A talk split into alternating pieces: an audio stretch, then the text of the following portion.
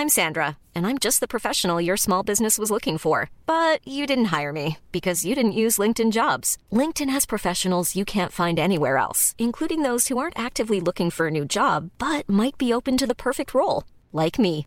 In a given month, over 70% of LinkedIn users don't visit other leading job sites. So if you're not looking on LinkedIn, you'll miss out on great candidates like Sandra. Start hiring professionals like a professional. Post your free job on linkedin.com/people today. Hey, it's Danny Pellegrino from Everything Iconic. Ready to upgrade your style game without blowing your budget? Check out Quince. They've got all the good stuff, shirts and polos, activewear and fine leather goods, all at 50 to 80% less than other high-end brands. And the best part? They're all about safe, ethical, and responsible manufacturing. Get that luxury vibe without the luxury price tag. Hit up quince.com slash upgrade for free shipping and 365 day returns on your next order. That's quince.com slash upgrade. Everyone knows therapy is great for solving problems, but getting therapy has its own problems too, like finding the right therapist, fitting into their schedule, and of course, the cost. Well, BetterHelp can solve those problems. It's totally online and built around your schedule. It's surprisingly affordable too. Connect with a credentialed therapist by phone, video, or online chat, all from the comfort of your home. Visit betterhelp.com to learn more and save 10% on your first month. That's BetterHelp H E L P. I dag skal vi høre Kristins fødselshistorier. Etter en sykehusfødsel med nummer én, som ble veldig vanskelig for Kristin å fordøye i ettertid, bestemte hun seg for å ta revansj med nummer to. Denne gangen skulle hun føde på sine premisser, koste hva det koste ville. Dette resulterte i mye forarbeid og en dyr hjemmefødsel med både hjemmejordmor, doula og et fototeam. Men ut kom en frisk liten gutt på hele 5,2 kilo.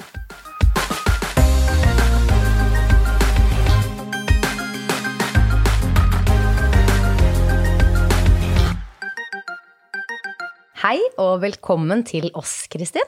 Tusen takk. Hvordan eh, er livet om dagen? For å starte der. Du, det er bra. bra. Så å si, vil jeg si. Det er, jeg har en på to og et halvt Ja. og en på seks måneder, så det Ja. er litt hektisk. Ja. Det skjønner jeg. Og første ferien med to små, så det var ikke veldig mye ferie. Nei, det er det folk sier, har jeg skjønt. Ja, nå er det hverdagen man lengter etter. Ja. Etter man fikk barn. Det Det er jo det dessverre snur litt seg sånn. sånn. Ja. Og mannen fikk kyssesyken uh, også. Men Er det var heldigvis sant? bra nå, da. Men ja. Så jeg måtte ta mesteparten i ferien. Så oh, jeg, jeg var vel mer sliten enn jeg var oppladet etter ferien. Men eh, det går bra med alle nå. Friske og ja, Så godt. Ja. Klar for høsten, med andre ord. klar for høsten. Ja. Du, du sa jo nå at du har eh, to barn mm. med to års mellomrom, cirka. Ja, det Ja. blir så å si en måned imellom der, men ca. to år Ja. Og de to fødslene, de er jo ganske forskjellige, vil jeg tørre å påstå. Eh, Vi skal jo eh, gå litt videre inn i dette her eh, i løpet av podkasten, men kan du ikke i sånn hovedtrekk prøve å forklare litt hva som gjør de så forskjellige? Ja, det kan, jeg kan begynne med litt hvordan det startet, da. Mm. Uh, jeg var veldig usikker på om jeg ville ha barn, egentlig. Egentlig var jeg veldig sånn, vil ikke. Men uh, så fant jeg drømmemannen, og da endret Det gjør noe, det, altså. Ja, så endret det seg litt. Og da var det liksom Jeg ville oppleve det, tenkte jeg. Ja. Så vi prøvde. Ble gravide ganske kjapt. ja. Det her var i 20 Hva ble det? 19. Og ja. Egentlig gikk svangerskapet veldig fint. Kvalm i starten. Ja. Men ikke sånn helt ekstremt. Men det plagde meg, selvfølgelig. Jeg var veldig glad for at det gikk over i andre trimester. Da hadde jeg det helt fantastisk. Jobbet mye, ganske lenge fram mot slutten av tredje trimester. Men da var jeg ganske tung og trengte å bare rulle rundt i sofaen. ja. Da følte du deg klar for å føde, liksom. ja, jeg gjorde det. Hadde du noen tanker om fødsel da? Jeg tror, altså, helt i starten i svangerskapet så tenkte jeg minst mulig på det. Da, var jeg, da var jeg mest på den Kommer jeg til å abortere de tre første månedene? Det, det er vel det spørsmålet man liksom Går dette bra? Og så kommer man i andre trimester, og da er man bare glad for at liksom, man kom over, og så Var du sånn som ikke fortalte det til så mange i starten og sånn? Nei, jeg fortalte det. Ja. Det gjorde jeg. ja. Eh, men jeg liksom begynte ikke å tenke fødsel. Nei, Men det virket fjernt. Det virket litt fjernt, for det Ja. var så lenge til. Ja, ja, på en ja. måte. ja, det er jo både kort og lenge til, Ja. på en måte. Ja. Men det var, jeg begynte å komme liksom, godt ut i andre trimester, så begynte det liksom, magen begynner å vokse. Liksom, ok, dette skal ut, begynner man Ja. jo da å skjønne. og Det blir et barn. det blir noe her, Og skjønner liksom. plutselig at det er no way back. Men jeg hadde vel den derre tanken som de, jeg tror de fleste norske kvinner har, som er at uh, Norge er det beste landet å føde i, her blir vi godt tatt i vare på. Eh, den omsorgen som jeg får i, på helsestasjonen, det er liksom det beste, best of the best. Ja. Så jeg følte ikke at jeg aktivt måtte gjøre så mye for det. Nei. Jeg trodde liksom bare at eh, jeg bare følger de svangerskapsomsorg... Nei, hva heter det? Svangerskapskontrollene. Kontrollen og mm. kontrollene. Eh, og så liksom møter jeg på sykehuset, og så er det det beste du kan få. Og det ble vel den største feilen Ja. eh, som jeg gjorde. Var det nettopp det at jeg stolte på et system eller andre til å på en måte Ja, på min, for, for min fødsel. Ja. Jeg hører jo nå at du kanskje ikke fikk den oppfølgingen du hadde ønsket deg, eller? Nei, altså jo nærmere fødsel jeg kom, jo mer og mer ble jeg litt sånn eh, Jeg vil ikke på sykehus. Nei. Fordi sykehus for meg er liksom Du hører jo ordet syke, ikke sant? Syk. Ja. Hvem er det som har lyst til å være på et sykehus? Med mindre du er syk eller jobber der. Eh, og jeg begynte å kjenne på en sånn slags sånn ønske om Altså, jeg husker jeg hadde drømmer og fantaserte om det der med å føde i en bekk. Å være i skog, bare så være liksom i den derre Ja, ur-natur. naturen. Liksom. Jeg bare, jeg bare Åh, det der syns jeg bare kjente at det var så kult. Ja, Hvor kom det fra? Altså, hadde du sett noe eller hørt noe, eller liksom Nei, Hvor kom det altså, ønsket altså, fra? Det er veldig rart at du spør om det, for at jeg har ingen forbil gode forbilder, vil jeg si. Dessverre. Moren min har to keisersnitt. Ja. Svigermor eh, liksom valgte et keisersnitt fordi hun var så redd for fødsel. Jeg liksom, har jo bare skrekkhistorier rundt meg. Ja. Eh, ingen jeg kjenner har liksom hatt den der. Den der. Men det var kanskje derfor jeg ville Ja, ha det. kanskje. Ja. For at jeg ble jo tatt med keisersnitt. Uh, liksom, jeg vet ikke, det var noe i meg som crava det derre råe, naturlige, liksom. Men det er godt gjort å, å klare å stole på det og tro på at kroppen får det til, når man bare har fått servert de Mm, måte, negative si. Ja. historiene. Da. Så det er jo Ja, ikke sant. Så kan du si at jeg stolte på det, men det endte jo med at jeg ikke gjorde Eller på en måte, jeg gjorde det, men jeg ble ikke støtta opp Nok. under det. Jeg ble Ja. ikke støtta rundt det. Eh, Så når jeg, jeg var vel seks uker før termin Med første? med første, Ja. og da husker jeg at jeg var på svangerskapskontroll, så sa jeg til hun jordmoren min jeg bare, vet du hva, jeg, jeg vil ikke føde på sykehus, jeg vil føde hjemme. Og hun bare sånn, å ja, ok, ja. eh, mm, Så fant hun fram eh, et telefonnummer til en jordmor i området. Og bare ring henne. Eh, Og jeg ringte henne, og hun bare Oi, seks uker til fødsel, det er for tidlig. Hun har ikke tid, For sent. for sent, Ja. og så videre. Og så liksom, da begynte det ikke opp for meg. Bare sånn Å, herregud, det er ikke sikkert jeg finner en jordmor. Det er ikke sikkert jeg får føde hjemme. Og liksom, da kom panikken. Jeg må på sykehus. Ja.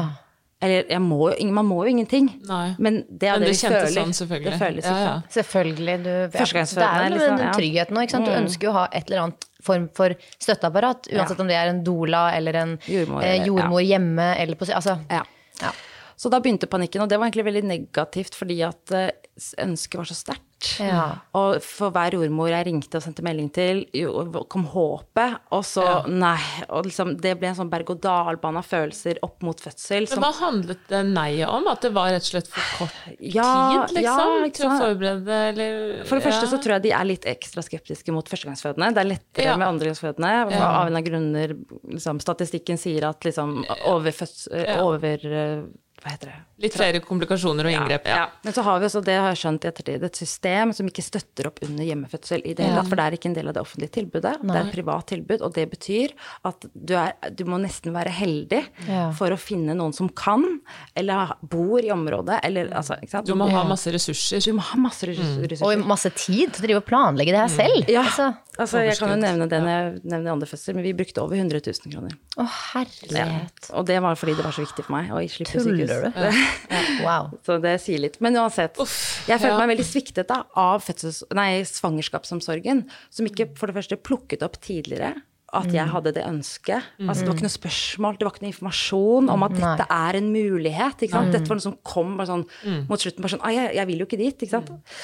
Og ikke noe sånn eh, Det var få jordmødre, alle var opptatt Altså, ingen kunne. Mm. Når var det du fødte? Når på året? Det var 13. mars, dagen etter at Norge stengte ned eh, Ah, pandemien. tre, dager, tre dager etter jeg fødte min Ja. første. Ok, ja, ja. Så da fødte jeg på Ringerike sykehus. Det ble Ringerike, ja. Hvordan er det fødselen din starter? Du, det begynner med bitte litt vannavgang. Og Ja. det blir liksom starten på det hele. Eh, Fordi da ringte jeg til føden og sa jeg tror det har kommet litt vann. Og det var ikke sånn splash masse vann, det var sånn noen dråper, men jeg skjønte at dette var ikke tiss. Ok. Akkurat sånn som jeg hadde Jeg må bare anerkjenne, jeg anerkjente ikke nok at du sa du fødte dagen etter lockdown. Bare det er jo egentlig helt sjukt. Altså, det må jo ha påvirket litt sånn Å, helvete, nå stenger Norge ned. Og Ja. der gikk vannet mitt, liksom. Ja. Vet du hva, ja, det er interessant du sier det, for at eh, jeg hadde så nok med, med det som skjedde, med, at jeg fikk ikke med meg engang, jeg. Nei. Jeg fikk det ikke med meg Nei, men det var nesten litt godt godt å høre. Ja. Jeg an- ante ikke hva som skjedde på utsida. Jeg husker bare det, jeg snakka med venninnene, og hun bare sånn for jeg bare sånn, jeg er på sykehus, jeg hater å være her og vil ikke være her sånn. Og hun bare, ja, men vet du hva, ingen andre som har det noe fett akkurat nå. Har Og du jeg fått bare med sånn, deg nyheten? Å, nei, men jeg skjønte ikke hva hun mente, men jeg ble bare så glad for at hun sa at ingen andre hadde det bra, for jeg bare, det var litt sånn betryggende. Ja, ja, ja, ja, ja, ja.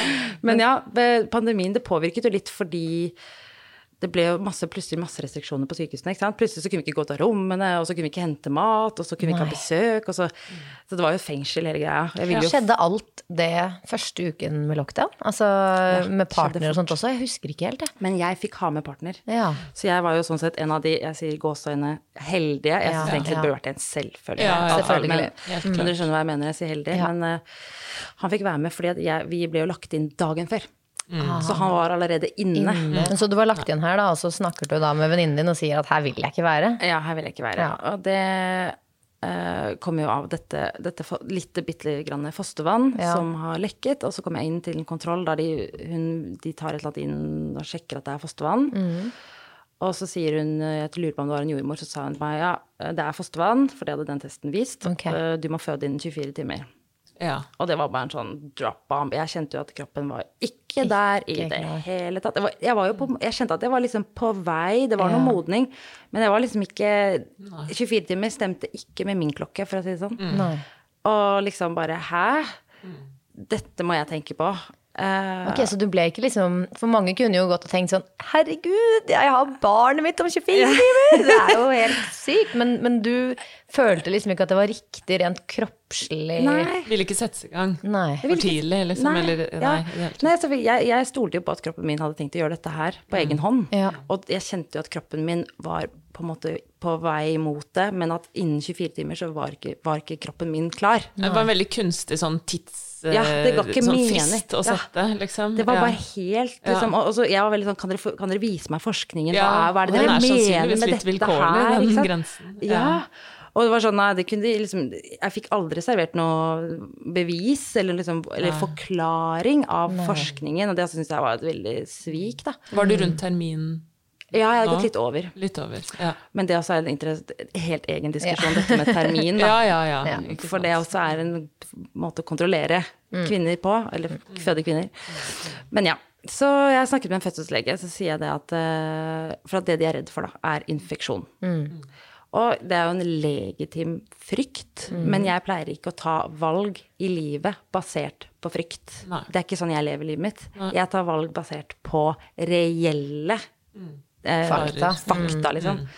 Så jeg spurte hun legen ok, eh, dere er redd for infeksjon. Har jeg infeksjon? Liksom? De målte temperatur, ingen feber. Nei. De tok blodprøve, for å liksom, da kan de jo finne ut av infeksjon. Ingen infeksjon. Så sa jeg til henne at jeg ønsker ikke å settes i gang, men jeg ønsker selvfølgelig litt oppfølging med tanke på denne infeksjonen dere er redd for. Eh, Så jeg kan gjerne komme, enten legges inn og være her, og så kan vi sjekke, holde, ta blodprøver hele ikke tida, liksom, eller temperaturen, liksom. Eller så kan jeg dra hjem, og så kan jeg komme for å, sje- følge opp dette med infeksjon, men Ja. jeg vil ikke settes i gang. Og liksom, hun bare så helt tomt på meg, bare sånn Du må settes i gang. Hæ? Og jeg bare, det var ikke noe valg. Det, jeg hadde ikke noe alternativ. Det var det, var det som hadde skjedd. Jeg bare må tenke på dette. Så gikk jeg og kjæresten en tur rundt sykehuset. Ja. Og jeg ble bare sintere og sintere og sintere på den turen. Jeg bare, jeg vil ikke dette, jeg vil ikke dette. Og, og han stakkars visste jo ikke hva han skulle liksom Nei. eh, Og ikke hadde vi noe backup, og hva skal vi gjøre, dra hjem, liksom? Ja. Det var jo ikke helt alternativ, det heller. Så jeg liksom følte meg veldig, veldig tvunget. Ja. Mitt rage mot uh, fødselsomsorgen og svangerskapsomsorgen er at vi har ikke valg. Og da blir det tvang, og da blir det fangenskap. For det var det jeg følte. Jeg følte at jeg fødte i fangenskap, faktisk. Og, jeg, og når jeg sa til legen jeg ikke ville, og hun bare 'du må', så lå jeg der da og skrev, skrev det liksom i den stolen der hun skulle putte hva- et eller annet piller eller noe sånt. Noe, Ja. Ja. Du starta med modningspiller. ja, jeg, jeg tror det var det. Ja. Det var et eller annet hun putta inn der. Og jeg husker jeg bare gråt. Mm. Og liksom, det, det føltes som et overgrep. Ja. Og liksom, Reagerte hun på at du Grå- gråt sånn, eller altså, hvordan var den dialogen bare gjennomførte det, liksom. Ja. Og, og jeg, jeg bare ja, Det var jeg, liksom, det å ha mannen ved siden av det Det var liksom, det var en forferdelig start. Ja. Forferdelig start på hele greia. Og så skal man gjennom en fødsel, da. Ja, så fikk vi et rom som vi la oss inn på, Mm. eller lagt inn på, og da bare gråt jeg og gråt jeg. Og så klarte jeg heldigvis å liksom prøve å riste litt av meg. Liksom, ok, Mm. nå er jeg her. Ja. Nå er kanskje dette snart i gang. Liksom prøve Samle kreftene, samle liksom. kreftene Ja, for det er jo det Man vet jo hvor sinnssykt viktig det er for en fødsel å gå inn med et eh, optimistisk eh, Altså at lynnet ditt skal være på riktig sted da, for at du skal få tilrettelegge for en god fødselsopplevelse.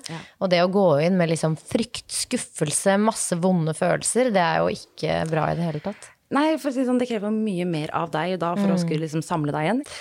Så det, Jeg tror men- ikke folk skjønner det før de liksom Eller Nei. Og det var ikke noen medisinsk indikasjon på, på å sette meg i gang. Jeg hadde ingen feber, jeg hadde ingen infeksjon. Det var bare frykten for at det skulle skje. Ja. Så, Ja. så her var det tvang.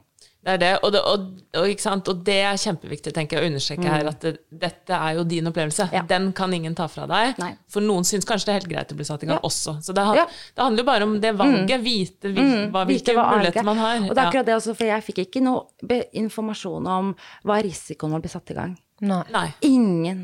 Hadde du lest noe om det, eller visste du noe om det på Nei. Nei. Jeg tenkte jo ikke at det skulle skje meg. Nei. Nei, nei. Så jeg ante ingenting, og ikke fikk jeg noen beskjed om det. Hva er fordeler, hva er risiko, veie opp mot hverandre. For den risikoen, den hadde de tatt for meg. Og det altså, syns jeg er helt sånn vilt, hvordan de bare kan liksom Altså, vi blir en pasient, men egentlig mener jeg at det er mye, bør være mye mer sånn at kvinnene er klienter, vi er kunder, og vi skal ha for og, mot informa- for og imot informasjon. Og vi skal være liksom på toppen av Ja, ja, og ja, ja. be, ja. Bestemmelsesretten. valg. Ja. Ja, men sånn var det ikke for min del i det hele tatt. Det var jo bare sånn, jeg kom inn der, du skal føde, vi bestemmer hvordan dette skal gå. Mm. Sånn var det liksom. Det, var, det er jo fangenskap. Og det er jo ikke du den første som forteller om. nei, Det, dessverre. Ja. det syns jeg er veldig gærent. gærent. ja. Jeg er helt enig. Ja. Nei da. det er- Men det er veldig, det er veldig, veldig tungt. Ja. Og det er, men det er veldig ærlig. Og jeg syns det er veldig viktig å få sagt det. Helt enig, og det er kjempeviktig å få frem både de historiene der folk er kjempefornøyd med helsevesenet, og de historiene der man ikke er det. Fordi uten de historiene så får man heller ikke muligheten til å forbedre helsevesenet eller stille krav eller eh, ja, ta det videre, da, og det er kjempeviktig. Ja, og akkurat det med at kvinnen eh, eh, burde på alle mulige måter være i førersetet og få, info- ta, kunne ta informerte valg og sånn, det tenker jeg jo at vi alle her er Enig. dypt enig på en måte. Fullstendig uenig. Og forhåpentligvis de fleste lytterne også, liksom. Så jeg tenker den er ikke så kontroversiell, nei. Men, ja. Men ja, tilbake igjen til sykehussengen, da, Ja. hvor du lå og, og samlet krefter, hvis man kan kalle det det. Ja. Så fikk vi levert noe mat på sykehusdøra. Da begynte døren å stenge, så øh, øh, svogeren min kunne ikke komme inn med maten, så mannen min gikk liksom ned til døra og så henta maten på utsida. Ja. spiste vi en cæsarsalat. Og så øh, begynte kvelden å komme, og kjæresten min, eller mannen min, begynte å so- sovne. Og så begynte jeg å kjenne riene. Ja. Og så husker jeg ble egentlig veldig glad når riene begynte. For da var sånn Yes! Nå begynner det. Det er jo kjempespennende å Ja. oppleve dette for første gang. Og liksom, det er jo en stor ting for kvinner. Liksom, Ja, ja. Nå er det i gang. Nå er det i gang. Så, så jeg lå mye egentlig litt sånn, lot han sove og, og holdt på aleine. Men det var veldig sånn, det var ikke mitt rom. Jeg, sånn, mm. Det var en sånn dusj med veldig sånn svak stråle med vann. Det, det, det er veldig kjedelig. Du vil gjerne ha sånn ordentlig Ja, ja, ja. massasjestråle, ikke sant? Ja. Og ikke spesielt varmt vann var det heller. Og liksom, det, det, var, det var liksom ikke mitt sted. Så jeg prøvde det beste jeg kunne å liksom finne meg til rette da, der. Og ha mannen var fin og masserte meg gjorde, gjorde alt jeg ville at han skulle. Men vi var veldig aleine, Ja. fordi de hadde ikke Altså, det er også en annen ting, da. At i, norsk lov så har ikke kvinner rett på en jordmor med mindre man er i aktiv fødsel, som betyr at du har ca. 4 cm åpning.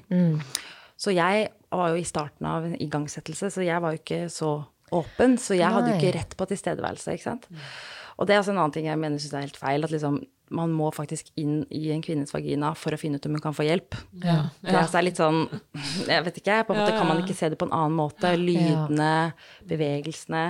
Hver gang en jordmor Når jeg søkte kontakt med noen som visste hva som skjedde med meg, Mm. som jeg kunne støtte meg, så måtte hun liksom inn i For å sjekke om vaginaen din var åpen nok, liksom. Ja. Ja.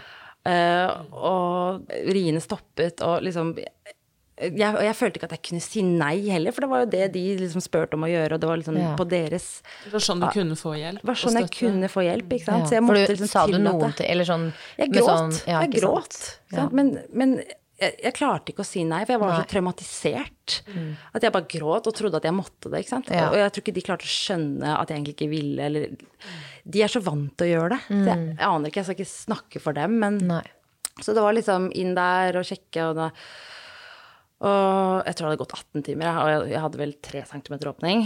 og så sa hun, eh, jordmoren, hun bare Åh, det går treigt, sånn, så himlet hun med øynene. Jeg at- Hæ? Ja, Nei! Det, ja, det gikk så inn på meg. Åh, Ja, det er ikke greit. Nei, liksom, her har du jobba, jobba, jobba i 18 timer, og liksom, det er jo- bare mer og mer intenst, og så får du den, og så husker jeg det, da mista jeg Hvor skal man hente motivasjon? Ja, det er akkurat Ja, det. hvor skal du hente motivasjonen? Uh, så da begynte å gå opp for meg at liksom, okay, det eneste jeg kan få her av støtte på sykehuset, det er faktisk heroin i ryggen. Altså, det er epidural. Det er, du, du må bare nummes. Du må bare rett og slett bli så dopa at du ikke kjenner det. Det er det de kan gi deg på sykehuset. Ja, Og det var det jeg ba om. For da, da nådde jeg på en måte Da hadde jeg liksom ligget der aleine i 18 timer, og så liksom jeg bare Ok, Må ha en epidural. pause, liksom. Det er det eneste. Hadde du gjort deg noen tanker om det på forhånd, da? Om du skulle eller skulle ikke, eller om du var åpen, eller altså Jeg ville ikke ha det, nei. Jeg, jeg, altså, jeg, som jeg nevnte, jeg drømte jo om denne Ja, ja. og liksom urkvinnen og Ja, ja. liksom Hva er dette her? Ja, Dette Så det gjaldt også på sykehuset? Selvfølgelig. Ja. selvfølgelig. Men, men da hadde jeg kommet til et punkt liksom, der jeg blitt så dårlig behandla, følte jeg. Du var så langt unna der hvor du skulle være uansett. Uansett. Det var, det, og jeg var så, begynte å bli så sliten også. Mm. Men, det er jo ikke, men det er veldig viktig å si at det er ikke fordi jeg var sliten at jeg liksom ga opp. Mm. Det var liksom det at jeg innså at det var det eneste de kunne gi meg av støtte Ja. på sykehuset. Fordi de ikke hadde de tid til en tilstedeværende jordmor. Eller liksom massasje. Gud vet, ikke sant. Så fikk jeg, så kom det, og så skifta det masse nye vaktskifter, ikke sant. Så det kom nye jordmødre inn, og alle skal inn og sjekke. og eh, heldigvis var hun ene da, som bare Ja, hun her er aktiv fødsel, nå må hun inn på fødestue. Og jeg husker den, den transporten fra det rommet til fødestua, det var så slitsomt. For det er så mye informasjon. Det er sånn en gang, nye lys. Og så var det kommet til et nytt rom. Og da har du epidural, eller? Nei, det er ikke epidural, for det er der jeg fikk det. Ja, skjønner. Mm. Der fikk jeg det. Uh, men jeg bare husker hvor, over, altså, hvor lite hensiktsmessig det er å transportere kvinner i fødsel. Ja. For at når du først liksom, er i bobla, har en trygghet, liksom blitt vant til rommet, og så skal du flytte deg, og så må Ja, du liksom vende til Riene stoppet jo, og liksom det, det har bare tenkt på det med, det med transport da, i fødsel. Det er egentlig ehm, Det er noe unaturlig over det. unaturlig over det, med, sånn. med mindre det er en høyst Ja, ja. grunn, Ja, så er det veldig unaturlig. I hvert fall for meg. Mm. For bare jeg flyttet et rom, det var ikke lange, det var liksom en liten gang imellom, bare det gjorde at riene mine Man blir mine brått dratt ut av det man er inne i, på en Ja. måte. Og, så, Og den lukten og liksom et eller annet, ikke sant? Du Mm. er i en slags boble som ja. Så, men jeg har jo nytt rom og sånn, og så prøvde, fikk jeg epidural ganske kjapt. Og Hvordan det- fungerte den? Nei, det fungerte sånn at jeg liksom ikke kjente noe lenger. Og Mm. det var på en måte litt godt, for det var jo akkurat det jeg da på en måte ba om. Ja. Det var liksom bare, bare num meg. Mm. Bare få meg vekk fra dette fangenskapet jeg føler at jeg er i. Nå vil jeg bare ut og få det vekk, liksom. Mm. Men da var jeg var ikke på noe godt sted, sånn Nei. psykisk og fysisk. Det var liksom bare overlevelsesmodus, hele greia. Ja. Og det hjalp med epidural da, Mm. for da kjente du det ikke. Og da prøvde jeg litt sånn baller og diverse. eh, og ja, til slutt så kom han ut, da. Husker de ville ha meg på ryggen. og Jeg, jeg hadde jeg undersøkt veldig på forhånd, liksom. For jeg var så redd for å revne. Jeg, Ja. var, liv, jeg er så glad i jonien min, for å si det sånn, så jeg vil liksom ikke ha den ødelagt. Så jeg bare, hvordan skal jeg unngå det? Ja, ja. Og da, ja, og da leste jeg på det, og det var liksom å være på alle fire. Mm. For da får du størst åpning i bekkenet. ja. Så Med knærne inn og, Mm. og anklene ut, ja. ja. Så jeg gjorde det, og revnet ikke. Nei. Og det er jeg glad for. Lønner seg å lese opp, kanskje. Ja, Det er vel ikke noe garanti mot revning, Nei. men det kan jo ha påvirket. Kan, kan ha det. Men eh, ja, kjente du noe Da kjente du liksom Ring of Fire og sånt, eller var du Kjente Ring of Fire, ja. For presstrinnet fikk du det? Nei, så i og med at jeg var dopa ned Ja. med heroin i ryggen, som jeg kaller det, epidural, så måtte de jo gi meg ristimulerende midler som Ah, er så du fikk litt drypp og sånt i tillegg? Ja. syntetisk oksytocin. Som er jo bare det, et syntetisk Det ligner på det hormonet kroppen egentlig lager sjøl. Mm, kjærlighetshormonet, som det kalles. Ja. Så det fikk jeg jo. Det, så det, men det var jo rier, da, selvfølgelig, som pressa ut. Så de riene klarte å presse han ut, da. Okay. Og ja, det var intenst der, altså. Det var det. Det var noen heftige Trøkk. Trøkk, ja.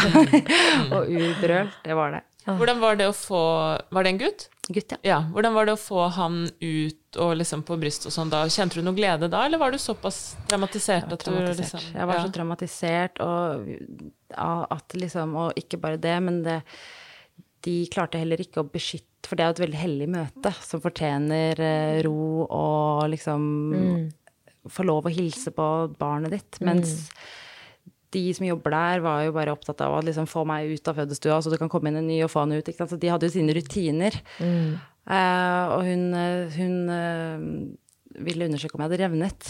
Eh, så hun bare ja, jeg skal undersøke om jeg har revnet, så jeg vil bare ta fingrene inn. Ikke sant? Dette var jo, jeg hatet jo at de skulle inn i meg. Så jeg sa nei, jeg vil ikke. Og hun bare jo, vi må undersøke. Så, så selv om jeg liksom ropte nei, jeg vil ikke, så gjorde hun det. Og jeg bare au, slutt. Og da sa hun derre barnesykepleieren, hun bare sånn hysj, syng for barnet ditt. Nei. Liksom, så, så liker jeg deg med barnet, og bare sånn Skal jeg liksom prøve å synge nå, samtidig som at jeg, sånn, altså, jeg klarte jo ikke Det var, det var he- det er helt åpenbart at ikke de har på en måte klart Altså de har ikke forstått hvor egentlig viktig det her var for deg. Da. Eller hvor, hvor viktig, ja. krenkende du følte. Jeg var så At krenka. alt det var. Ja, jeg var så krenka, liksom. Jeg var Makan, altså. Mm. Ja, nei, det Så jeg var Jeg husker liksom den når de trill, trillet meg fra fødestua til barselrommet. Mm. Jeg husker ikke den turen. Jeg var liksom bare Jeg var gone. Ja. Jeg var traumatisert. Mm. Jeg fikk liksom ikke de, de øyeblikkene på hilsebanen fordi de skulle så mye. Og også den derre fundal-massasje, vet dere hva det er? Nei. Nei, liksom, de skal jo De er jo redd for blødning. Å ja, den hvor du skal trykke ut morkaka? Mm. Åh, det er litt ubehagelig, altså. Jo, men det jeg har også skjønt i ettertid, er at den derre vonde massasjen de gjør på magen din, Ja. den er egentlig ikke nødvendig, med mindre du har en massiv blødning. Er det Men de gjør det som rutine For å være sikre for å være liksom. sikre. Ja. Men det er jo rutinemessig vold som ikke nødvendigvis er nødvendig. Ja, ikke kall det massasje. Det, Nei, å herregud, det var derfor jeg bare sånn Hva mener du? Hva slags massasje er det jeg går glipp av? Fordi det var ikke Nei. Nei. Det, altså, jeg visste ikke hva det var. Jeg fikk ikke høre for og imot. Det er bare sånn, vi redder deg nå for en blødning. Jeg hadde ikke massiv blødning. Det gikk kjempefint med morkaka. Så den massasjen i gåseøynene var helt unødvendig. Ja. Så jeg satt jo bare igjen med liksom hva skjedde? Ikke sant? Hva, hvorfor ble jeg most i magen nå? Ja. Det føyer seg inn i rekken av eh, situasjoner der du har følt at du ikke har blitt eh, informert eller hørt. Yes, Ja. bare ting bare skjer med meg. Og det liker jeg ikke. Nei. Du hører jo Jeg får en sånn tanke om at eh, jeg, jeg vil jo på en måte tro at eh, alle jordmødre, barnepleiere og sånn åpenbart ikke ønsker å eh, skade noen, krenke noen og være fæle, men det beskriver jo et stort, stort problem i systemet. Ja. For mye her handler jo sannsynligvis om at har, de har ikke tid. Ikke sant? Det er ikke satt av tid, eller ikke at det nødvendigvis ville tatt så mye lengre tid, da, si, men, men ikke sant? at det er, det er det er jo hele systemet og, som er bygd opp på sånne rutiner. De er pålagt det. Ja. Og, og hvis de ikke gjør det Og det, det, er jo det, er, det pågår en slags heksejakt på jordmødre. Det er jordmødre som ønsker å støtte kvinnen i deres valg, uh, kan på en måte risikere å miste jobben sin. Ja, fordi Ja. de ikke gjør rutinene. De er Da går det ikke kjapt nok, eller da tjener man ikke nok penger. Altså, eller det er noe her som styrer, som ikke er liksom basert på kvinnens ja. behov først og fremst, da. Ja, akkurat det. Så det er veldig, må vi gjøre noe med. Men uansett, da, så var jo dette her eh, traumatisk, og, men eh, alt var bra sånn sett, med Ja. mor og barn. Men jeg satt igjen med en følelse av at dette her gjør jeg aldri igjen. Hvis dette er det liksom samfunnet påfører meg, så skal jeg aldri mer føde barn, og det var Ja, så så sint, du følte altså. at du var ferdig, du, da? når Ja, jeg var ferdig. det- Ja. Men ikke fordi at jeg var ferdig, men fordi at jeg følte meg så svikta. ja, dette vil jeg ikke gjennomgå. Jeg jeg nekter å gi samfunnet flere barn Ja. fra meg, fordi dere behandler meg, eller systemet da, behandler meg så dårlig at dette gidder jeg ikke mer. Ikke så- men det var jo vondt, det var et sinne, jeg var så sint. Ja. Og jeg fikk også posttraumatisk stress. Ja. Og så jeg sleit en stund, og det gikk veldig utover forholdet. For at jeg skyldte jo mye litt på han òg, som ikke liksom Sto opp for deg, på en måte? Ja. Jeg tror mange Kjenner meg igjen. Elisa har vært Ja, gjennom, det. vært gjennom Ja. det der. Mm. Så hadde det ikke vært for at vi hadde barn da, så hadde jeg gått fra han. Mm. Så sint var jeg, liksom. Ja. Så, Hvor lenge, føl, altså, hvor lenge bar du på dette her, da? Eller bærer du fortsatt på det? Ikke sant? Ja, klart det. det Ja. altså, fødselsopplevelser blir du aldri kvitt. Det Nei. følger deg hele livet. Så liksom, det, det er jo en bump in the road i vårt Mm. forhold. Men valget var liksom forlate eller prøve å reise seg, da. Og på Ja. på en måte finne hverandre igjen. Og det var jo dette med svangerskap nummer to. Ja, ikke sant? Fordi på et eller annet tidspunkt her så har det jo skjedd en endring. Ja, det har det. Um, Og den skjedde jo hovedsakelig i meg selv, for jeg måtte spørre meg selv skal jeg la den erfaringen og det systemet på en måte styre hvor mange barn jeg får, og liksom livet mitt, eller skal jeg liksom ta tilbake igjen det jeg ønsker, og jeg vil ha to barn, ja. uh, og så gjøre det på min måte siste gangen, liksom. Er det, hva velger? Og det var å velge det siste. Ja. Og så vil jo han være med på laget. Så da liksom måtte jeg jobbe Ja, inviterte jeg han inn i det, og vi prøvde å jobbe mot det, men det var, det var liksom berg-og-dal-baner. Jeg Ja. hadde jo stunder gjennom graviditeten der jeg liksom var sånn Klarer du det denne gangen? Ikke sant? Mm. Kan jeg stole på deg? Kommer du til å gjøre det jeg trenger at du gjør?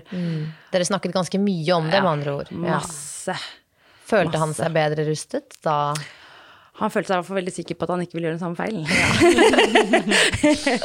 Men bedre rustet, det veit jeg ikke. Nei. Men eh, det var jo jeg som styrte det hele veien, egentlig. Så han bare sto ved siden av og støttet. Han bidro veldig mye med penger, da. Ja. For det, det begynte jo å koste. For nå, nå er vi på andre svangerskap, nå er jeg gravid på nytt. Ja. Og jeg vil føde hjemme. ja. Ja. Men jeg var så kvalm i første måned at jeg orka ikke å begynne å planlegge. For jeg Var du bare- verre med nummer to? Ja, Ja. verre med nummer to. Jeg bare lå på sofaen og bare «Åh». Ja. Men når jeg kom til andre svangerskap, da husker jeg liksom Nå Andre jeg- trimester? Uh, ja. Nei. Andre trimester, Ja. mente jeg. Ja. Du var også på andre svangerskap? Ja, ja, sånn, ja. godt ja, da Nå må jeg begynne å planlegge. Hvordan Så- gjorde du det, da? Hvordan gikk du frem? Nei, altså jeg hadde I perioden mellom her, da, så hadde jeg liksom begynt å høre på veldig mye på fødselshistorier, podcaster, fordi at jeg var så engasjert i temaet og ville vekk fra traume og inn i liksom dette flotte med fødsel. Så jeg fant Eva Rose på Ja. Instagram, og det var liksom Det var et stort skifte for meg. Både det med å se bildene eh, som er så fine, og som gjør det så naturlig. Mm. Ja, for hun er en fødselsfotograf, men hun bruker jo også plattformen sin til å gi mye god informasjon. Ja, det gjør hun. Og hun er en doula. Så jeg sendte melding til henne. Eh, Jeg var egentlig litt sikker på det med en gang jeg hadde sett Instagram-kontoen. Hvis jeg skal ha et barn til, så må jeg ha henne. Hun Ja, må være liksom Jeg, jeg kjente en sånn Hun traff deg. Hun traff meg på en måte, så jeg kjente at uh, hun er også veldig flink til å jobbe med dette for kvinners rettigheter og sånn. Så jeg vet ikke, det traff veldig. Så jeg ville ha henne, så jeg sendte melding. Og hun skulle egentlig på sånn Birth Around the World-tour, men så var det jo pandemi, så da klaffa det allikevel. Så Flaks for deg at det ble meg, ja. Flaks for meg. Det har gått noe bra å komme ut av den pandemien. ja, ja. Men det er også litt det med det du sier flaks, at det var litt flaks, ikke sant. Ja. Man må ha litt flaks. Man må ha litt flaks. Og det er litt synd også at det må være, gå på flaks. Fordi hun eh, kjente Anette Huitfeldt, en hjemmejordmor som eh, har pensjonert seg nå. Å, Som har drevet på i Oslo, men jobbet mest med hjemmefødsler og ABC. Så hun hooka meg opp med henne, eller sånn tok, fikk telefonnummer, da. Og Ja. hun sa heldigvis ja. Å, Ja, så bra. så bra. Ja. Så hun kom på besøk til meg, og det var så personlig. På svangerskapskontroller. Liksom, jeg jeg slapp å dra noe sted. Hun kom hjem til meg. Ok, så fra da av så var hun din jordmor? Ja, fra andre jordmor. trimester. Da var hun min jordmor, så da sa jeg ha det bra til helsestasjonen. Må du betale henne dyre dommer, da, for dette? Eller hvordan 15 000 til henne, mm. og så får hun øh, Jeg vet ikke hvilken sum, men hun får noe Ja, fra du får noe fra staten Helfo, også. eller Hun, fra- hun får noe ja. fra Helfo. Ja. Ja.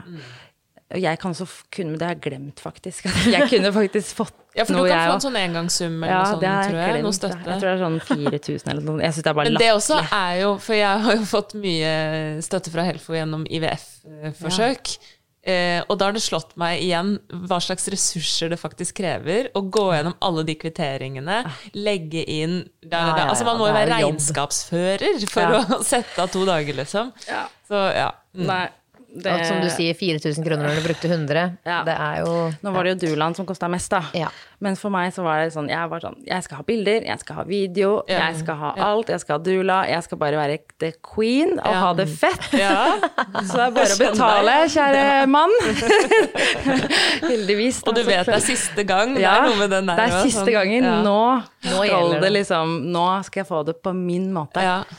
Ja. Eh, ja. Ja. Så han klarte å skrape sammen penger. Det er fallhøyde, da. Var det litt skummelt da? For jeg også hadde på en måte en veldig sånn type holdning til fødsel nå. Mm. Uh, og da kjente jeg på det derre Å, fy fader, jeg kommer til å gå ut og være så skuffa. ja, At det er skummelt med forventninger, ja. Ja, Ja. men eh, Ja, altså, jeg gikk inn med det med at altså, liksom, det spiller egentlig ikke noen rolle hva som skjer.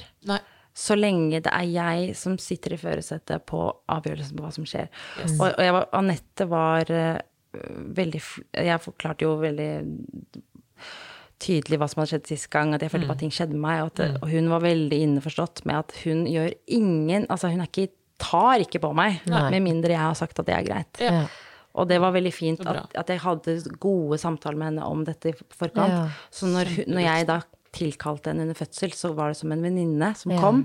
Og jeg visste at hun kom bare til å gjøre det jeg vil. Ja. Kom, du skal bare- få bli med på fødselen min. Ja, ikke sant? ja. Litt den der. Ja. Ja, ja, ikke sant. Og ikke bare en venninne, men en som da vet akkurat hva du trenger Ja. i fødsel. Ikke sant? Som er så spesielt. Som har det medisinske blikket da, på det. Man ønsker jo gjerne litt av det blikket også, for det, fødsel, som alt i livet, kan jo selvfølgelig ta Ja. andre vendinger. Det er ikke alltid det går bra. Åpenbart. Nei, jeg er utrolig spent ja, da, Ja. på hvordan denne her fødselen eh, gikk. ja.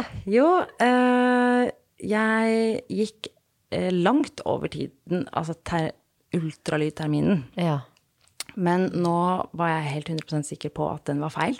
Okay. Intuisjonen min sa at jeg føder store barn, og det gjør jeg. Mm. Og derfor ville ultralyd, på en måte den der målinga de gjør Ah, på størrelse. På størrelsen, ikke sant. Si at jeg har termin tidligere enn jeg egentlig har. Ja. Og første var 4-2, så det var jo ikke sånn kjempestort. Men Nei, men det er jo Det er jo- stort. det er stort, ja. Det er ikke lite. Nei. Så jeg snakka mye med Anette om dette, og hun øh, nevnte jo Skal vi se her ja. Ja, en Baby som kommer inn. Er det Ok, kan vi ta en liten Vi tar en liten pause. Ja, ta en liten pause. This Mother's Day, celebrate the extraordinary women in your life with a heartfelt gift from Blue Nile. Whether it's for your mom, a mother figure, or yourself as a mom, find that perfect piece to express your love and appreciation. Explore Blue Nile's exquisite pearls and mesmerizing gemstones that she's sure to love. Enjoy fast shipping options like guaranteed free shipping and returns. Make this Mother's Day unforgettable with a piece from Blue Nile. Right now, get up to 50% off at BlueNile.com. That's BlueNile.com. Hey, I'm Ryan Reynolds. Recently, I asked Mint Mobile's legal team if big wireless companies are allowed to raise prices due to inflation. They said yes. And then when I asked if raising prices technically violates those onerous two year contracts, they said, What the f are you talking about, you insane Hollywood ass? F- So to recap, we're cutting the price of Mint Unlimited from $30 a month to just $15 a month. Give it a try at mintmobile.com slash switch. $45 upfront for three months plus taxes and fees. Promo rate for new customers for limited time. Unlimited more than 40 gigabytes per month. Slows. Full terms at mintmobile.com.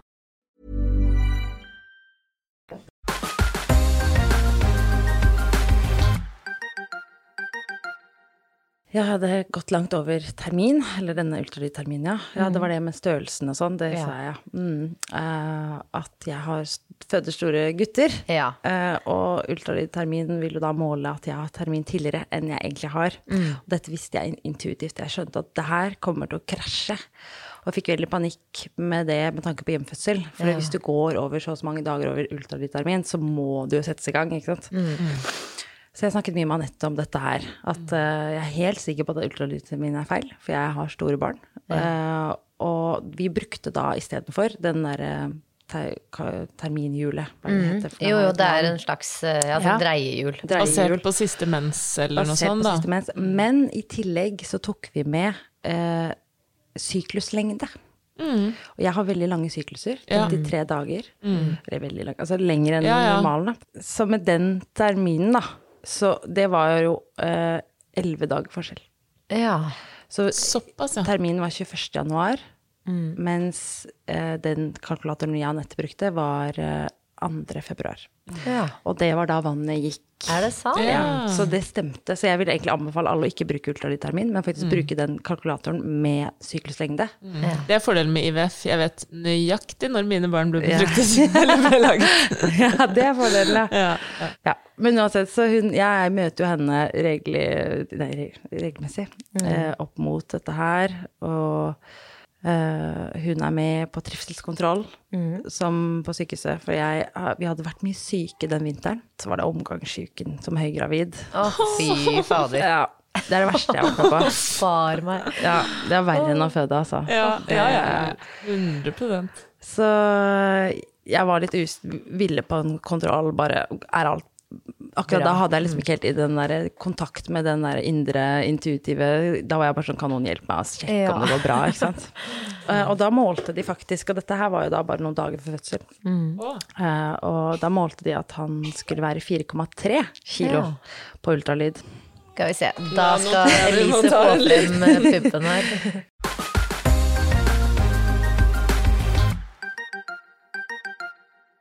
Da var Sigrid på puppen igjen. Ok, skal jeg fortsette? Ja, gjør det. Ja. Så da var vi på denne ultralyd, nei, trivselskontrollen, og der de fant ut at han var fi, eller, Estimert 4,3. estimert 4,3. Jeg er veldig glad for at de estimerte det, fordi hvis de estimerer over 4,5, så er jo retningslinjene induksjon med en gang eller keisersnitt.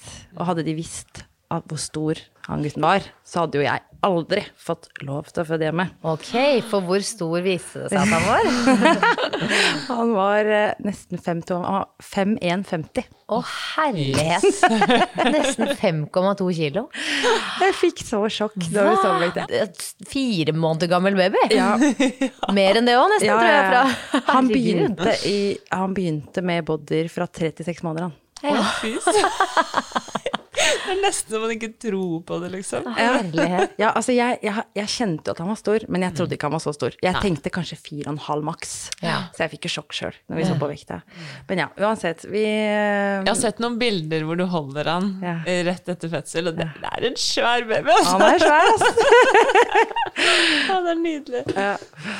Nei, så det er 2. februar 2022, og vi er ute og spiser på restaurant. Og jeg er sur og bare øh, og jeg, På det tidspunktet så tror jeg liksom bare aldri kom til å begynne å aldri føde. Nei. Man føler på det presset, liksom, at liksom nå har gått over termin, og Ja.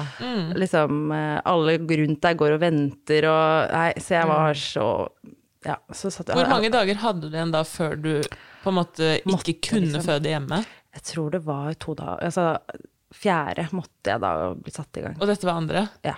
Ja, ikke sant. Shit, det, ja. Skjønner det stresset da. Ja, så hadde jeg spist opp eh, veldig god mat på Sunnmøre hotell der, og så måtte jeg på do.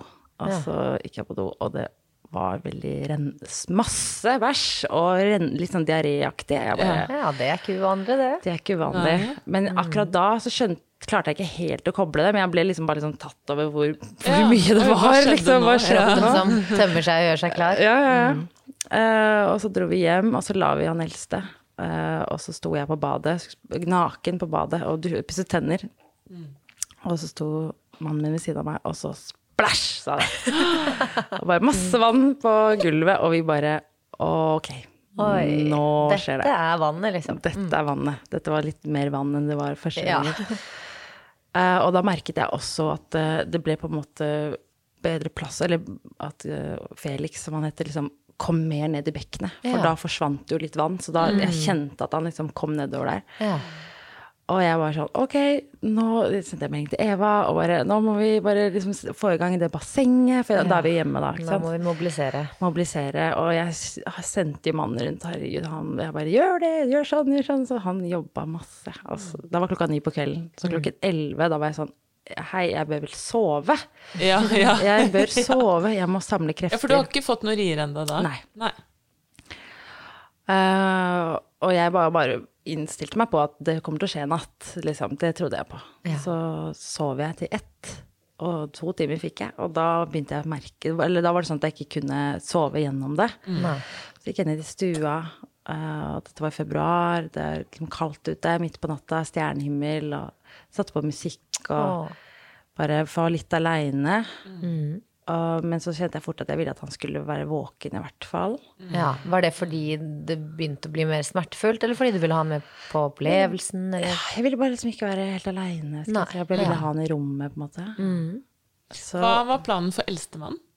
han lå og sov. Han lå. Jeg hadde egentlig håpet på at, han skulle bare, at jeg skulle føde innen han våknet. Sånn at liksom når han kom ned våknet, så var liksom babyen der. Ta-da! Ja. Men det, var- det varte litt lenger enn det, så det gikk ikke. Men uh, Hadde dere planlagt for barnevakt hos han, eller var tanken at han skulle være hjemme, han også? han skulle være hjemme, men vi hadde barnevakt, liksom, noen som kunne hente han på dagen. Da. Ja, Ja. ikke sant. Hvis det var en dag det ikke var barnehage, eller sånn. Så, eller som kunne levere han i barnehagen, eller ja. Så vi har, og onkelen hans, da, mm, broren til mannen min, Ja. han var liksom on call på det. Ja. Så han masserte føttene mine, vi lå i sofaen og var litt i bassenget, spiste en del, spiste en sånn havregrøt. uh, og så klokken fire så begynte jeg å kjenne at liksom, nå begynte å ta seg opp, Ja. sånn kraftmessig. At nå ville jeg ha Eva der. Ja. Og hun bodde jo i en hytte ved siden, liksom, i nærheten. Eh, for jeg begynte å kjenne liksom, nå kunne det vært greit med sånn hip squeeze eller et eller annet Ikke sånt. nå, og det er veldig greit når hun Ja. kommer. Så, så vi ringte, ringte henne, og hun og mannen kom.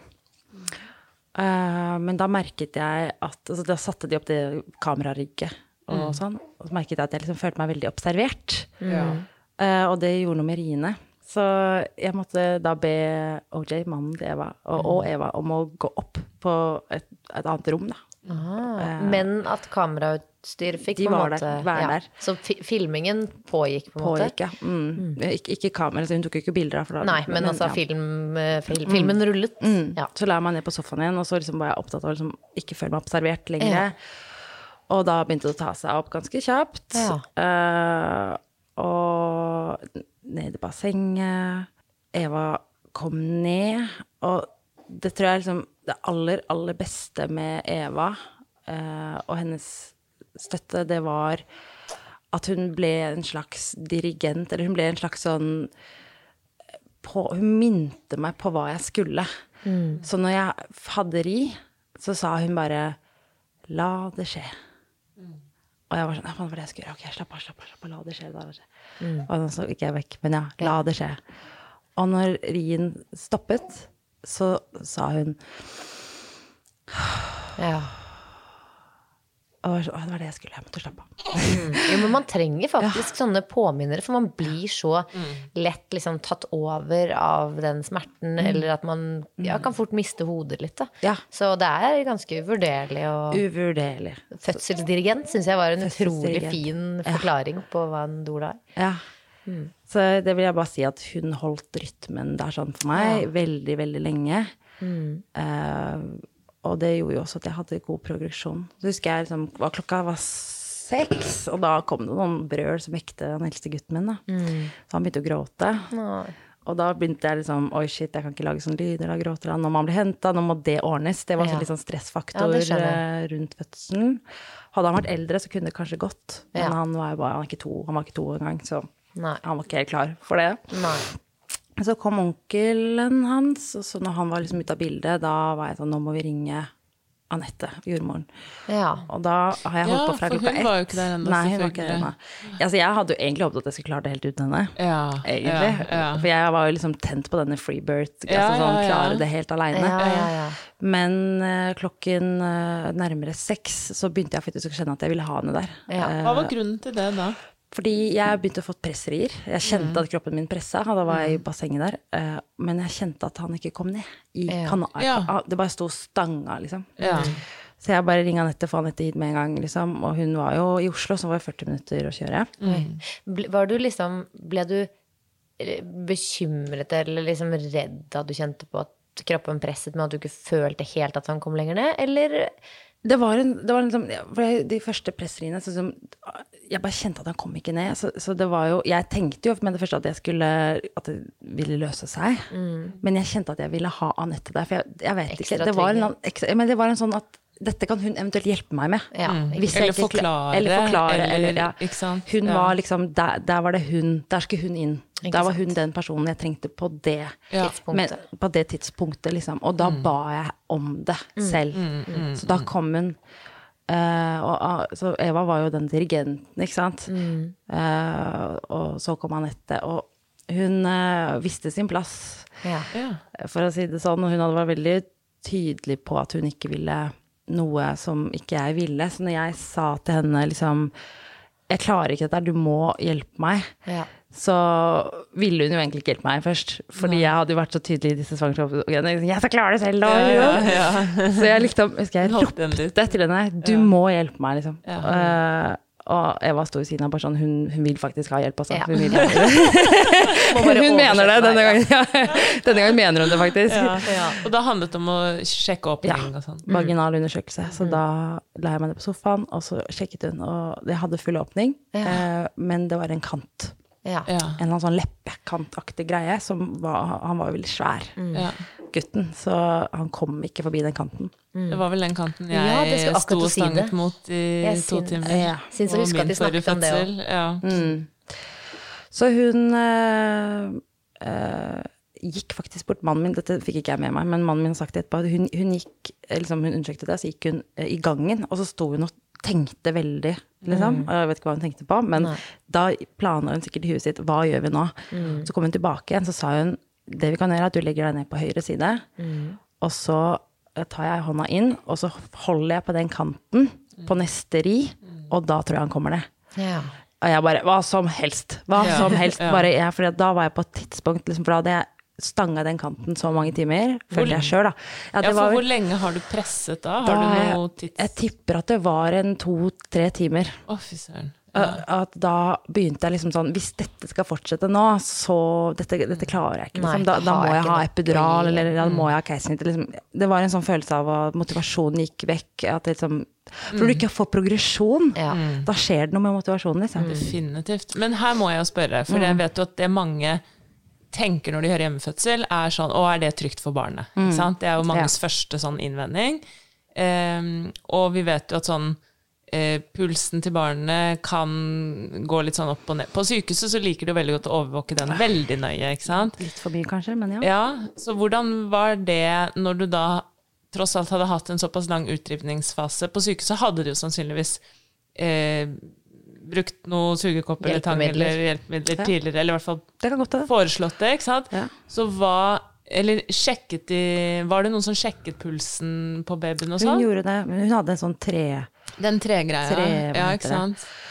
Altså, men jeg hadde på en måte Jeg hadde best sagt til meg selv eh, at eh, det spiller liksom ingen rolle uh, om barnet dør. Altså, jeg fordi at dette var så viktig at dette var det jeg som skulle bestemme. Og om uansett utfall, så er det min Det er sånn det må bli. Det er liksom. sånn det må bli. Fordi, at, fordi at hvis jeg skulle måtte gå på bekostning av meg sjøl og oppleve liksom, ting på sykehus som jeg ikke ville, ikke sant? så ville ikke det vært riktig, det heller. Og jeg, jeg bare bestemte meg for at jeg skal stole på at hvis noe er galt med babyen, så vil jeg merke det. Ja. Jeg vil merke det, og da kan jeg ta de riktige. Så jeg kjente, jeg kjente liv.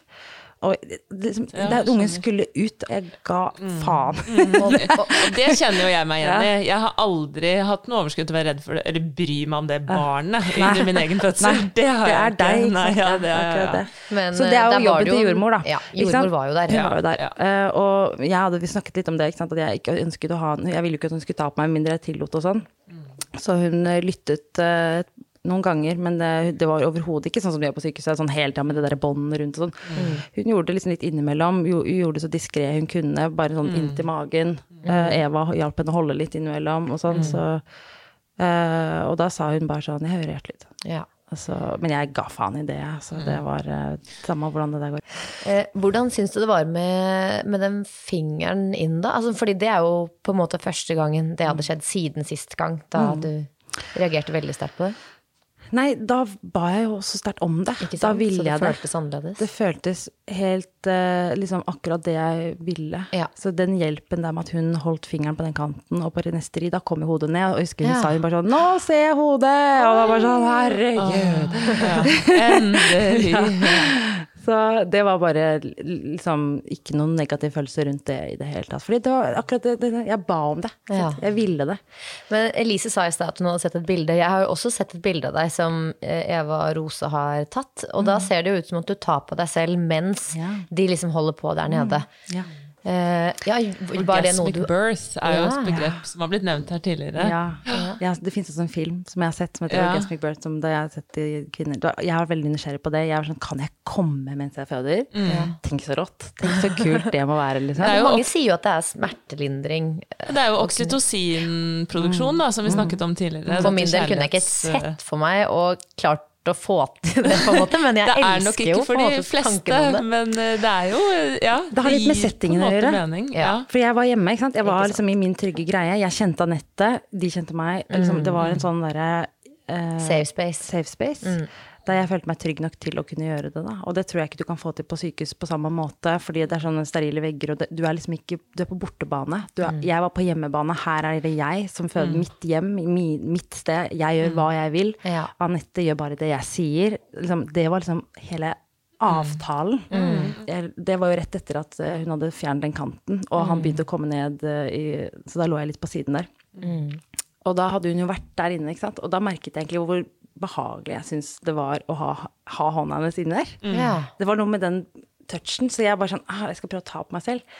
Så tok jeg liksom på klitten og rundt klitten og liksom onanerte, og det var digg. Er det Det sant? var så digg. Altså, Men under, mellom elsker dette, da? Hele tiden, hele tiden. hele tiden, ja. Hele tiden. Jeg blir veldig nysgjerrig. Men Ai, jeg det alle lurer på, eller det jeg lurer på, da, er jo Fikk du orgasme? Det alle lurer det må, det må.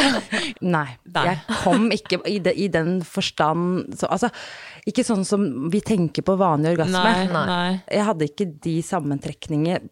Men det var veldig ga likt på mange måter allikevel, spesielt når han kom ned. Og det må jeg si at det er egentlig noe av det diggeste jeg har opplevd. Hva?! altså, det er som den største penisen du noen gang har hatt. Det er sånn dyp penetrering. Jeg vet, det høres ikke nødvendigvis så digg ut heller. Ja, men det var faktisk Ja, digg. Altså. Det var digg. Og spesielt når jeg da i tillegg tok på klitten, så det, var, liksom, det ble jo en symbiose der, da, Mm. som gjorde at jeg var litt kåt. Ja. Og da ble det at han kom ned, også behagelig. Så det, jeg må si at faktisk når jeg fødte han, så var det bare digg. Altså, jeg må jo bare si, jeg, jeg elsker jo dette. Jeg forguder jo dette. Jeg syns det er så kult. Jeg skulle Alle burde jo prøve, det er ikke Ja, noe tvil om det. det bare, jeg, jeg klarer ikke putte det inn i min egen fødsel liksom, sånn, i retrospekt, men jeg, jeg syns jo det er fantastisk at det går an. Og det er jo ikke første gangen jeg har hørt om eh, orgasmic birth. Det er bare det er første gangen jeg treffer noen som, eh, som har opplevd eh, Ja, altså det, jeg kommer kom jo ikke i den vanlige Nei, forstanden, men, at det var Stimuleringen, da. Ja, At det var, at det var godt, liksom. Og det gir så veldig mening også fordi det er de samme eh, hormonene. Ja, ja. Hvorfor skal ikke det å føde være deilig hvis man har muligheten, på en måte? Bare for det er sånn skamfullt å ta seg selv der nede. Og ikke minst at du eh, kjente etter behovet selv. Det var ikke en sånn tanke om sånn nå skal du gjøre det og det, fordi det var du som kjente oi, nå ble jeg litt sånn kåt, egentlig. Eller, altså, eller hva du Ja. kjente på, da. At mm, føles du bare fulgte egentlig en Ja, sånn Min egen greie. Det var egen- liksom når han begynte ja. å komme ned i fødselskanalen, så er det en slags dyp penetrering med den store babyen på, liksom, rundt veggene eller Mm. Ja. inni der. Og tenk om man klarer da i hodet sitt å, å tenke på det på den måten. Tenk hvor mye smerte som må fjernes da, enn når man tenker på å fy fader, jeg skal sprenge tissen min med en baby. Jo, men det må jo skje et eller annet med hele Ja. smerteopplevelsen. Ja, det må altså, jo det. ja, du, hvis du ser på de bildene, jeg smiler jo. Ja. Jeg syns det er digg. Ja, ja, men helt ærlig, jeg syns det var skikkelig digg. Ja. Liksom. Det var så dyp penetrering. Og så uh, kom jeg på dette med fi, alle fire, da. At det ikke revner, ikke sant. For jeg skjønte at han var stor. Så vi la, la, jeg satte meg på alle fire og liksom lente meg mot mannen. Og da tok jeg fortsatt på, på meg. Og, altså, det er klart, det er jo intenst. Det er jo ikke, det er jo ikke sånn at eh, jeg vil Det er ikke smertefritt. ha-. Vil ikke gjøre det hver jeg vil ikke kalle det liksom. smerte, for det, ble, det var det ikke, men at det var intenst. Mm. Liksom, at det var veldig kraftfullt og intenst. Det, men eh, ja, så jeg ville liksom ikke hatt den type kall det sex, eller sånn en så stor penis hver dag. Det ville hadde jeg ikke orka. Men sånn å ha opplevd det Thanks, but no thanks. Men det er jo helt sykt. Så, men kom han liksom eh, etter hvert ned, da? Eller tok det Ja, lang tid fra han var forbi tid. den kanten? Ja. Og det er også litt av dette med ikke revne, ikke sant. Og, Ja. og sånn jeg, at jeg var veldig opptatt av at jeg ikke skulle presse selv, men at det var riene mine som gjorde det. Skulle drive han ned. Så drive han ned. Så jeg liksom bare slappa av, slappa av, tok på klitten, bare sånn pusta. Og det var jo en del brøl mens det, mens det Pågikk. pågikk. Men uh, så gikk sakte, men sikkert ned, det, altså. Men uh, ja, hodet kom ut, og Nei, gud, han var svær gutt. Herlighet. Så Og da, var det en annen følelse når du fikk lagt han på brystet, eller sånn da, enn første gang, kan Ja. man trygt si. Ja, det kan man trygt si. Ja. Nå var det, det eh, Altså, jeg vil si på mange måter at den hjemmefødselen jeg hadde, var en, en drømmefødsel. Eneste som skjedde, eh, som jeg kanskje liksom litt irritert på, det er at etter at han kom ut, så hadde jeg en liten timeout. Jeg lurer på om det var noen sekunder da jeg bare sånn må puste før jeg sier hei. ja. Og da, eh, Anette og hun andre jordmoren, de liksom eh, brukte et teppe eller en sånn, et eller annet klut eller noe for å liksom smøre han. Og, for han, han, hadde, han var ikke sånn kjempelivlig med en gang. Nei. Men det var ikke noe sånn fare. Men han var liksom ikke helt på den der Apgar-scoren de vil ha, eller noe sånt. Ja. da. Så når jeg liksom kom litt til meg selv og ville hilse på han, eh, så var de litt sånn stressa rundt han. Ja. Eh, og det var et slags stress som jeg bare var sånn så jeg husker jeg kjefta på at jeg bare Gå bort! Ja. nå skal jeg hilse, nå skal jeg ta nå, liksom ikke, Jeg følte kanskje at Jeg skulle kanskje ønske at de ikke Men selvfølgelig, de ville jo bare se livstegn og liksom Går det bra med han? Og det, det var veldig godt ment fra deres side. Men Ja. det var bare et s- stress der. ja. Du følte deg stresset fordi du så at de Stressa. stressa? Ja, Jeg skjønner. og det er veldig, man blir veldig påvirka. Selvfølgelig blir man det. Men så med en gang jeg fikk han på brystet, så liksom eh, blåste jeg han i munnen, for han hadde litt sånn surkling i, i lungene, så jeg Ja. blåste, og eh, jeg husker jeg sa sånn Hei, jeg har ventet på deg. det var sånn superromantisk. Ah, du er helt nydelig, sa jeg. Så det var veldig koselig med han. Og da trakk de seg veldig unna. Og så gikk de bort på kjøkkenet, og så lagde de vafler og sånn, så fikk jeg liksom bare Å, helt herregud! ja. Det er noe annet enn den der tørre laksefileten og potetene man får. Nei, så det var eh, flott, altså. Ja. Det vil jeg absolutt, men det vil jeg også nevne at det, den siste forskningen fra The Lancet sier jo at hjemmefødsel er faktisk for friske gravide det tryggeste. Det er sånn 70% mindre sannsynlighet for epidural, 40% sannsynlighet mindre for uh, sånn eh, tang og uh, ja, og ja, altså virkelig sånn For mor så er det på en måte tryggere å føde hjemme. Men det må vel også være fordi at hvis du er en person som velger å føde hjemme, så tar du jo også et ganske aktivt valg om å ikke ville ha epidural og sånne ting i utgangspunktet. Ja. Så du må jo også Det er jo det man snakker om alt. Det, alt handler om hvordan du er som person. Ja. Har du et kraftig behov for det, så, så vil jo sykehus være helt feil. ikke sant? Å Mm. kunne lage traumer, sånn som du snakket om. Eh, og hvis du er en person som er utrygg i omgivelser der hvor det ikke er fagpersoner, så vil kanskje det være eh, kunne skape traumer for deg. ikke sant? Så, Men Mm. Men eh, tilbake til det vi har snakket om, så det handler jo i eh, Det handler jo utgangspunktet om at den fødende kvinnen skal få lov til å velge At man. Mm. At man må ha valg. Det er akkurat Ja. det, ikke sant? Og vi er forskjellige. Vi Vi er har forskjellige. helt ulike behov når det kommer til fødsel. Det merker jo vi gjennom denne podkasten, Ja, ja. ikke sant? Mm. Ja. Og hvordan var det med tiden etterpå og sånt, da? Han, han kom seg jo, skjønner jeg, for jeg traff han ute i gangen her i stad. Det er fortsatt en stor kar. Ja, han, Så eh, søt. ah, ja, han er seks måneder, han bruker ni til tolv måneder på.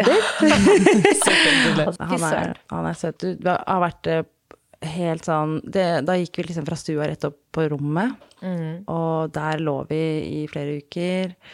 Og han amma med en gang og bare sov masse og Nei, jeg må si virkelig drømmebaby. I ettertid med sånn kontroller og sånt, da, tok Anette det også? Sånn seksukerskontroll, eller hadde du Nei, hun noe? kom dagen etter for å liksom Går det bra, hvordan går det med ammingen? Og så kom hun vel dagen etter der igjen også, vi veide litt og sånn. Men så var liksom stoppet hennes Da var det helsestasjonen. Jeg skulle jo ha nyfødtundersøkelse. Uh, og da spurte hun når vi ville ha den, og den fikk jeg fem dager etter fødsel. For jeg bare jeg kan ikke se for meg å sette meg i en bil med liksom sånn Man er jo litt hoven der nede etter en fødsel, så jeg vil liksom ikke Jeg klarte ikke å sitte. Jeg måtte liksom nei. ja. Ja, ja. Så jeg fikk nyfødtundersøkelsen fem dager etter fødsel, og det var en trist opplevelse, altså. Gud a meg, på Ringerike sykehus. Eh, jeg Tilbake igjen der. Ja, jeg tilbake i det grusomme stedet. Jeg var jo så stolt, da. Herregud, jeg er født hjemme, jeg kommer hjem med han, ikke sant. Og så uh, møter jeg en sånn De hadde jo veldig dårlig tid, selvfølgelig, som de alltid har. Og hun eh, nyfødtlegen trodde jo ikke på at jeg hadde født hjemme, for det første. Hun trodde ikke på det. Og så så hun på meg, hun bare sånn Hadde vi visst hvor stor han var, så hadde du ikke fått lov, sa hun. Oi. Jeg bare For det første, jeg hadde Ja. ikke fått lov. Hadde- ja. Hvem skal bestemme det, altså? Ja, og hva, hva vil hun med en sånn kommentar? Er det at du, du skal angre på at heldig, eller deg- føle- ja. ja, hva Jeg skjønner det ikke. Nei. Nei, så det, jeg var jo veldig sånn overprotective, så la han på en sånn eh, ja, benklignende greie, og hun var sånn ja, mor, gå og sett deg der, så skulle liksom hun undersøke, og jeg bare sånn jeg går ikke vekk fra hva, hva skal du, du må si hva du skal først, og liksom Ja. veldig sånn der hønete eller hanete eller sånn. Jeg skjønner jo også at du har litt eh, klørne ute på det når du har hatt en opplevelse Ja. av at sånn Jeg føler meg litt overkjørt her. Ja. Mm. Og så jeg skal i hvert fall ha kontroll på hva som skjer med barnet mitt, liksom. Ja. Og hun bare sånn 'Vi har rutiner her.' Jeg bare sånn 'Ja, men det er akkurat de rutinene jeg ikke liker'.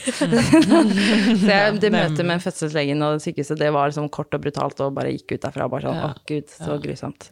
Men alt var jo bra med han, da, selvfølgelig. Det var jo det de skulle sjekke, men eh, Og det er fint. Ja, det er fint. Det eneste vi har hatt litt tøft med, er kanskje litt sånn eh, søskensjalusi. Det var litt tøft for Ja. han eldste å bli storebror. Åh. Ja, så den, den var litt sånn Det ble stor kjærlighetssorg. Så det har vært det verste, syns jeg. Så hadde jeg visst at det skulle være sånn, så hadde jeg kanskje venta litt lenger, jeg veit ikke. For det der var veldig Men jeg håper at det går seg til. Det gjør vel sikkert det òg. Nei, men snart har han jo, om han ikke allerede liksom har glemt at det var et liv uten. Ja. Det er det jeg liksom Ja. trøster meg litt med. Ja. Nei, fy søren. Tusen, tusen takk for at du har eh, kommet hit, eh, Kristin, og fortalt om disse to vidt forskjellige fødslene. Det har vært så sykt gøy å høre. Og så håper vi jo at eh, det går bra med begge småtassene videre, og at de får et fint og godt liv sammen. Og at det ikke blir så mye sjalusi i årene som kommer, da. ja. Takk for det. Takk for at jeg fikk dele. Kjempeinspirerende å høre på. Jeg fikk nesten lyst til å føde hjemme selv nå. Så. herregud. Vi får se. Ha det. Ha det.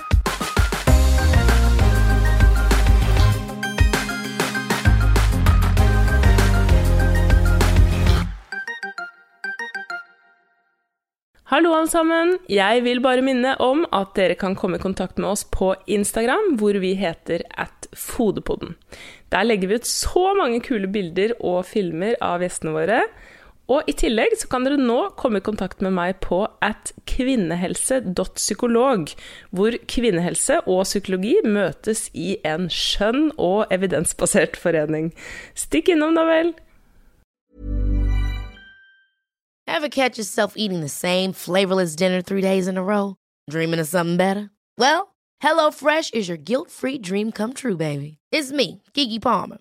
Let's wake up those taste buds with hot, juicy pecan-crusted chicken or garlic butter shrimp scampi. Mm. Hello Fresh. Stop dreaming of all the delicious possibilities and dig in at HelloFresh.com. Let's get this dinner party started. Planning for your next trip? Elevate your travel style with Quince. Quince has all the jet setting essentials you'll want for your next getaway, like European linen, premium luggage options, buttery soft Italian leather bags, and so much more. And is all priced at 50 to 80% less than similar brands. Plus, Quince only works with factories that use safe and ethical manufacturing practices. Pack your bags with high-quality essentials you'll be wearing for vacations to come with Quince. Go to quince.com slash pack for free shipping and 365-day returns. Hi, I'm Daniel, founder of Pretty Litter. Cats and cat owners deserve better than any old fashioned litter. That's why I teamed up with scientists and veterinarians to create Pretty Litter. Its innovative crystal formula has superior odor control and weighs up to 80% less than clay litter. Pretty Litter even monitors health by changing colors to help detect early signs of potential illness. It's the world's smartest kitty litter. Go to prettylitter.com and use code ACAST for 20% off your first order and a free cat toy. Terms and conditions apply. See site for details.